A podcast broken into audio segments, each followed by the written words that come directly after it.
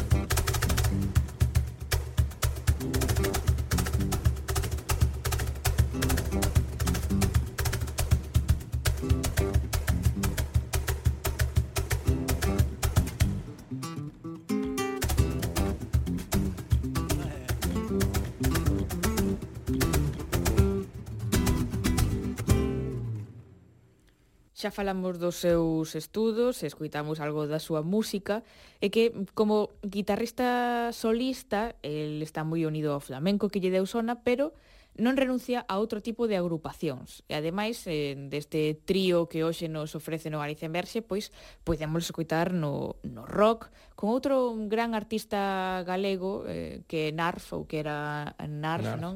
Que el ten, bueno, un par de discos con, con el e, e tamén eh, escuitámbolo nas músicas do mundo cunha banda tamén moi destacada en Galicia como é Marful ou tamén con, eh, de forma máis individual con, con Uxía que é a súa cantante, non?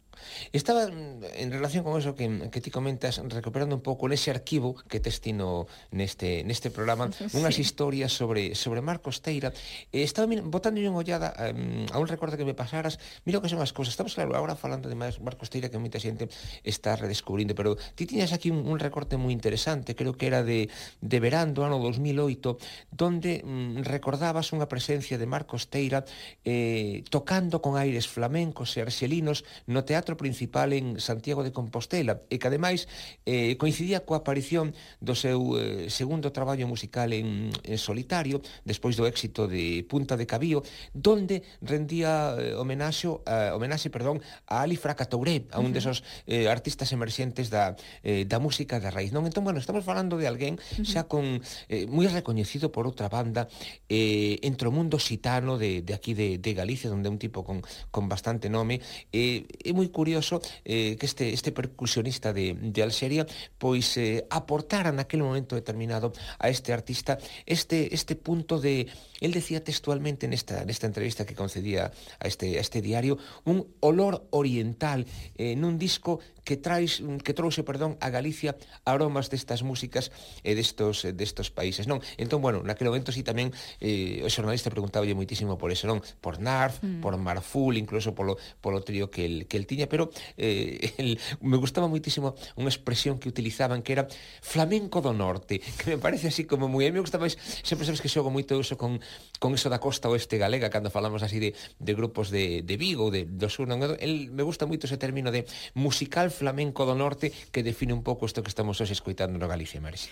Que ademais ese concerto do 2008 en... Eh Tamén falas moito de como el eh, co, como artista, non? E como que era chegar a música a, a todo o mundo porque se puxo a tocar ca súa guitarra no medio da feira de, de Salgueiriños, sí, que é sí. a, a feira, a, fe, a feira, a feira de Santiago, ¿no? dos, dos xoves, non? Que sí, o mercadillo, como o para, mercadillo, para sí, decir de popularmente, non? E ali se puxo no medio de, de da roupa, dos churros, da, de todo, ca súa das guitarra. Zapati, das zapatillas de imitación, eh, da roupa de liquidación e eh, de, de, de esas comidas eh, eh, desa, desa viaxe onde sempre procuramos atopar para ir así guapos e modernos con, con, con, con poucos cuartos. Bueno, pois pues tamén é guapa e moderna esa guitarra, esta música que hoxe nos estás traendo aquí a, a, este, a este programa. Ainda nos queda algo máis por escoitar deste concerto. Temos un, queda... un fragmento máis, mm, ou xa acabará. Sí, quédanos pouco por escoitar, uh -huh. pero claro, xa sabes que logo podemos meterlle algunha sorpresiña aos nosos Sí, ointes, o sea que ¿no? tenemos tamén tempo para ese bonus track, non? Sí, sí, Perfecto, sempre temos bien. un bonus track. Pero por agora eh, imos xa con esa recta final final do concerto de Marcos Teira no Galicia Emerxe. Mm -hmm.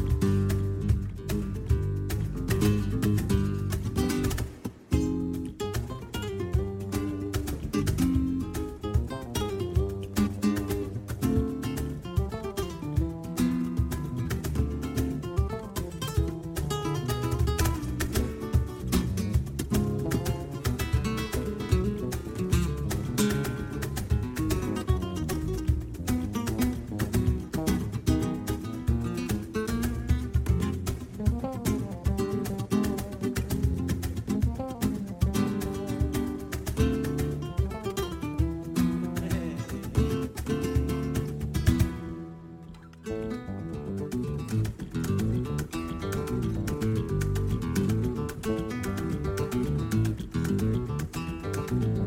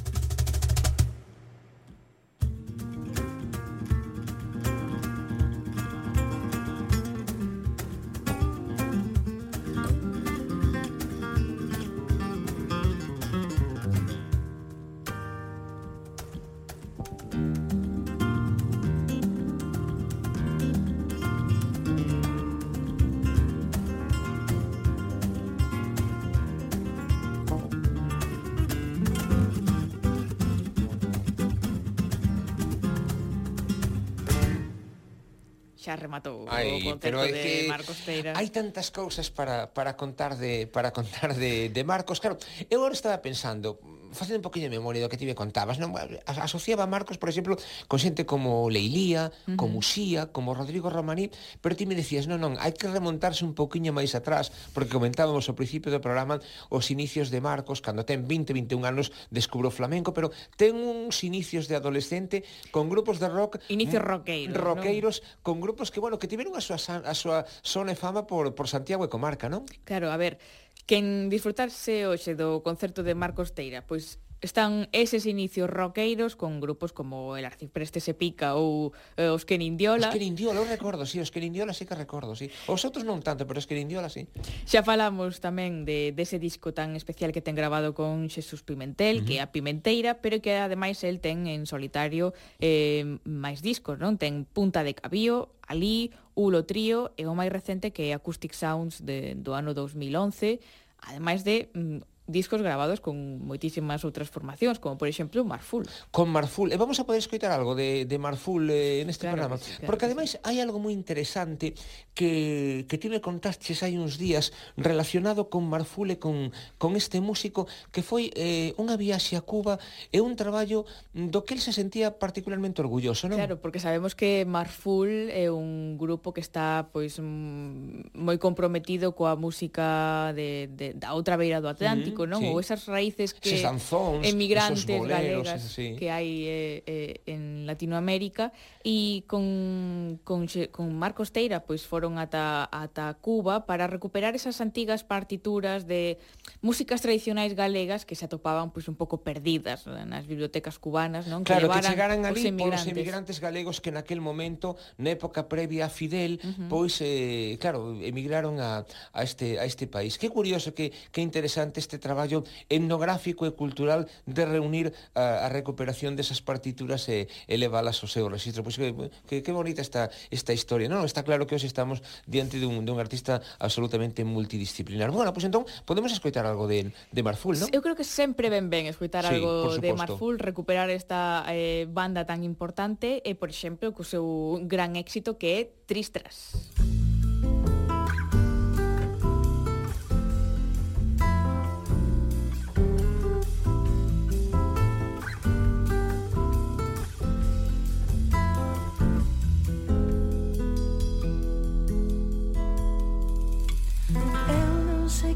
Tes nos ollos Que se me miras ti matas Matasme se pra min ris Matasme cuando me falas.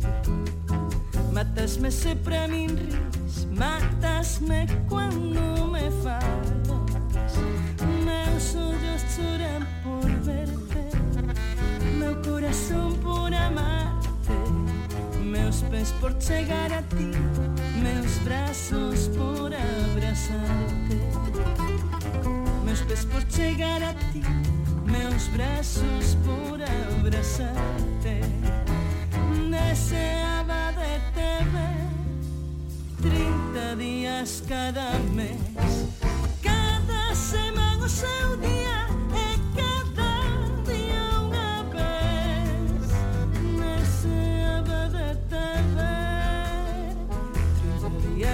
them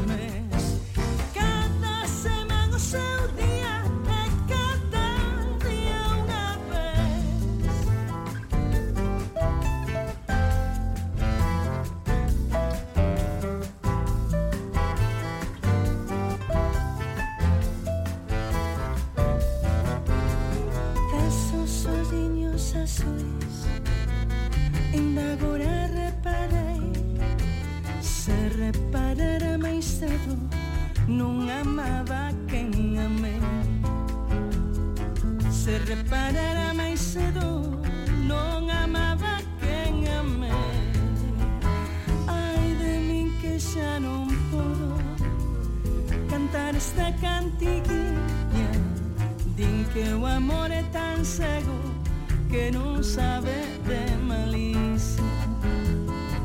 Durante os primeiros anos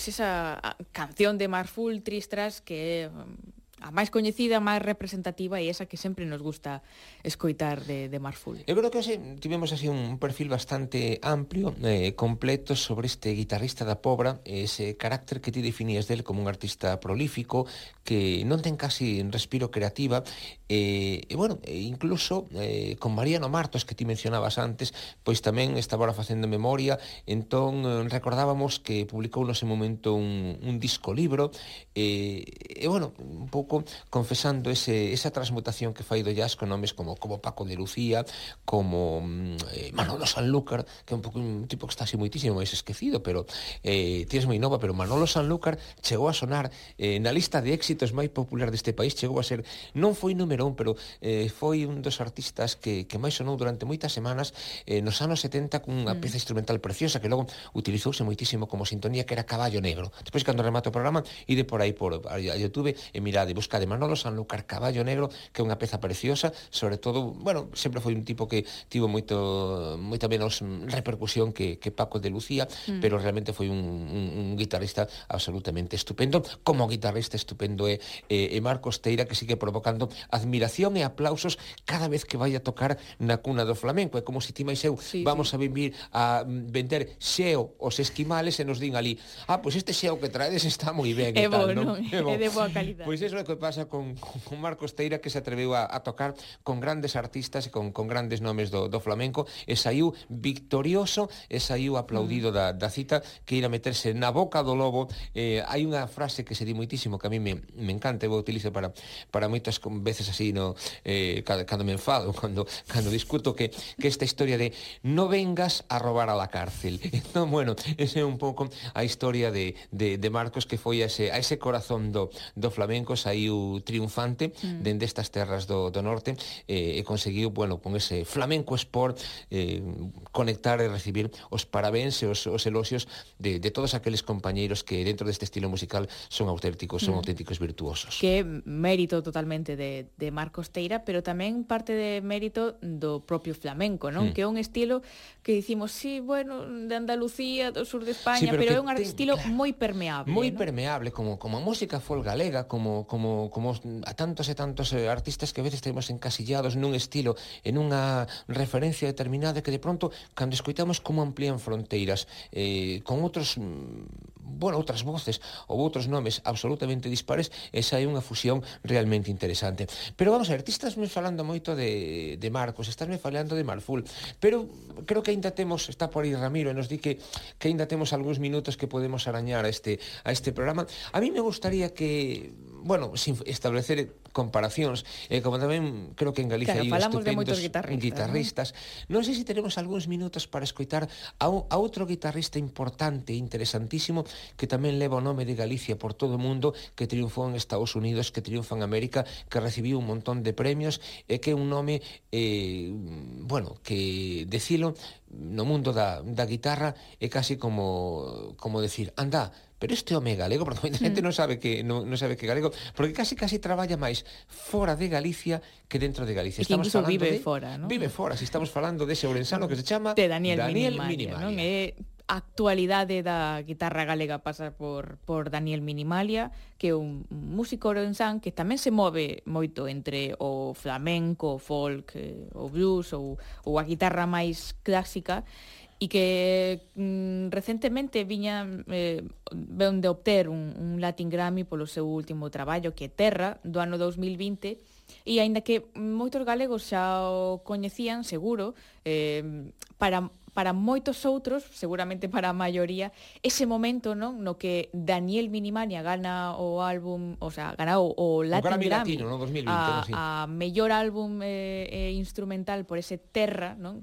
A todos nos se nos iluminou un pouco os ollos e dicimos Terra, eso eso sona a, eso soa galego, non? Ese disco instrumental ademais que que bueno, que que ademais eh, eu sento, sento con con orixen, eu creo que recomendaría para descubrir a este a este artista que, mm, como el decía, o seu pai é de León, aínda que vive entre Madrid e Os Ángeles, naceu en Victoria por casualidade, pero que el se criou nos Xardíns do Posío, que era o que ah. contaba eh, nos medios de comunicación e aquí na radio e na televisión de Galicia cando estivo aquí, precisamente cando viu con este premio a, a enseñalo aquí na súa terra natal en eh, adoptiva e, e, e bueno, donde se criou que a, a súa terra ourensana. Entón creo que tamén podemos aproveitar e así pechamos un pouquiño este este programa onde hoxe a guitarra foi a a, a protagonista donde Marcos Teira nos descubriu esas fusións, ese mm, flamenco do norte tan interesante que, que triunfa no sur e donde tamén podemos facer ese dueto. A ver se si daqui sale algún produtor interesado en reunir a Marcos Teira e a Daniel Minimalia sí. eh, tardando, eh, para un disco conxunto. Están tardando. Eh, eh, facemos así unha cousa parecida que fixeron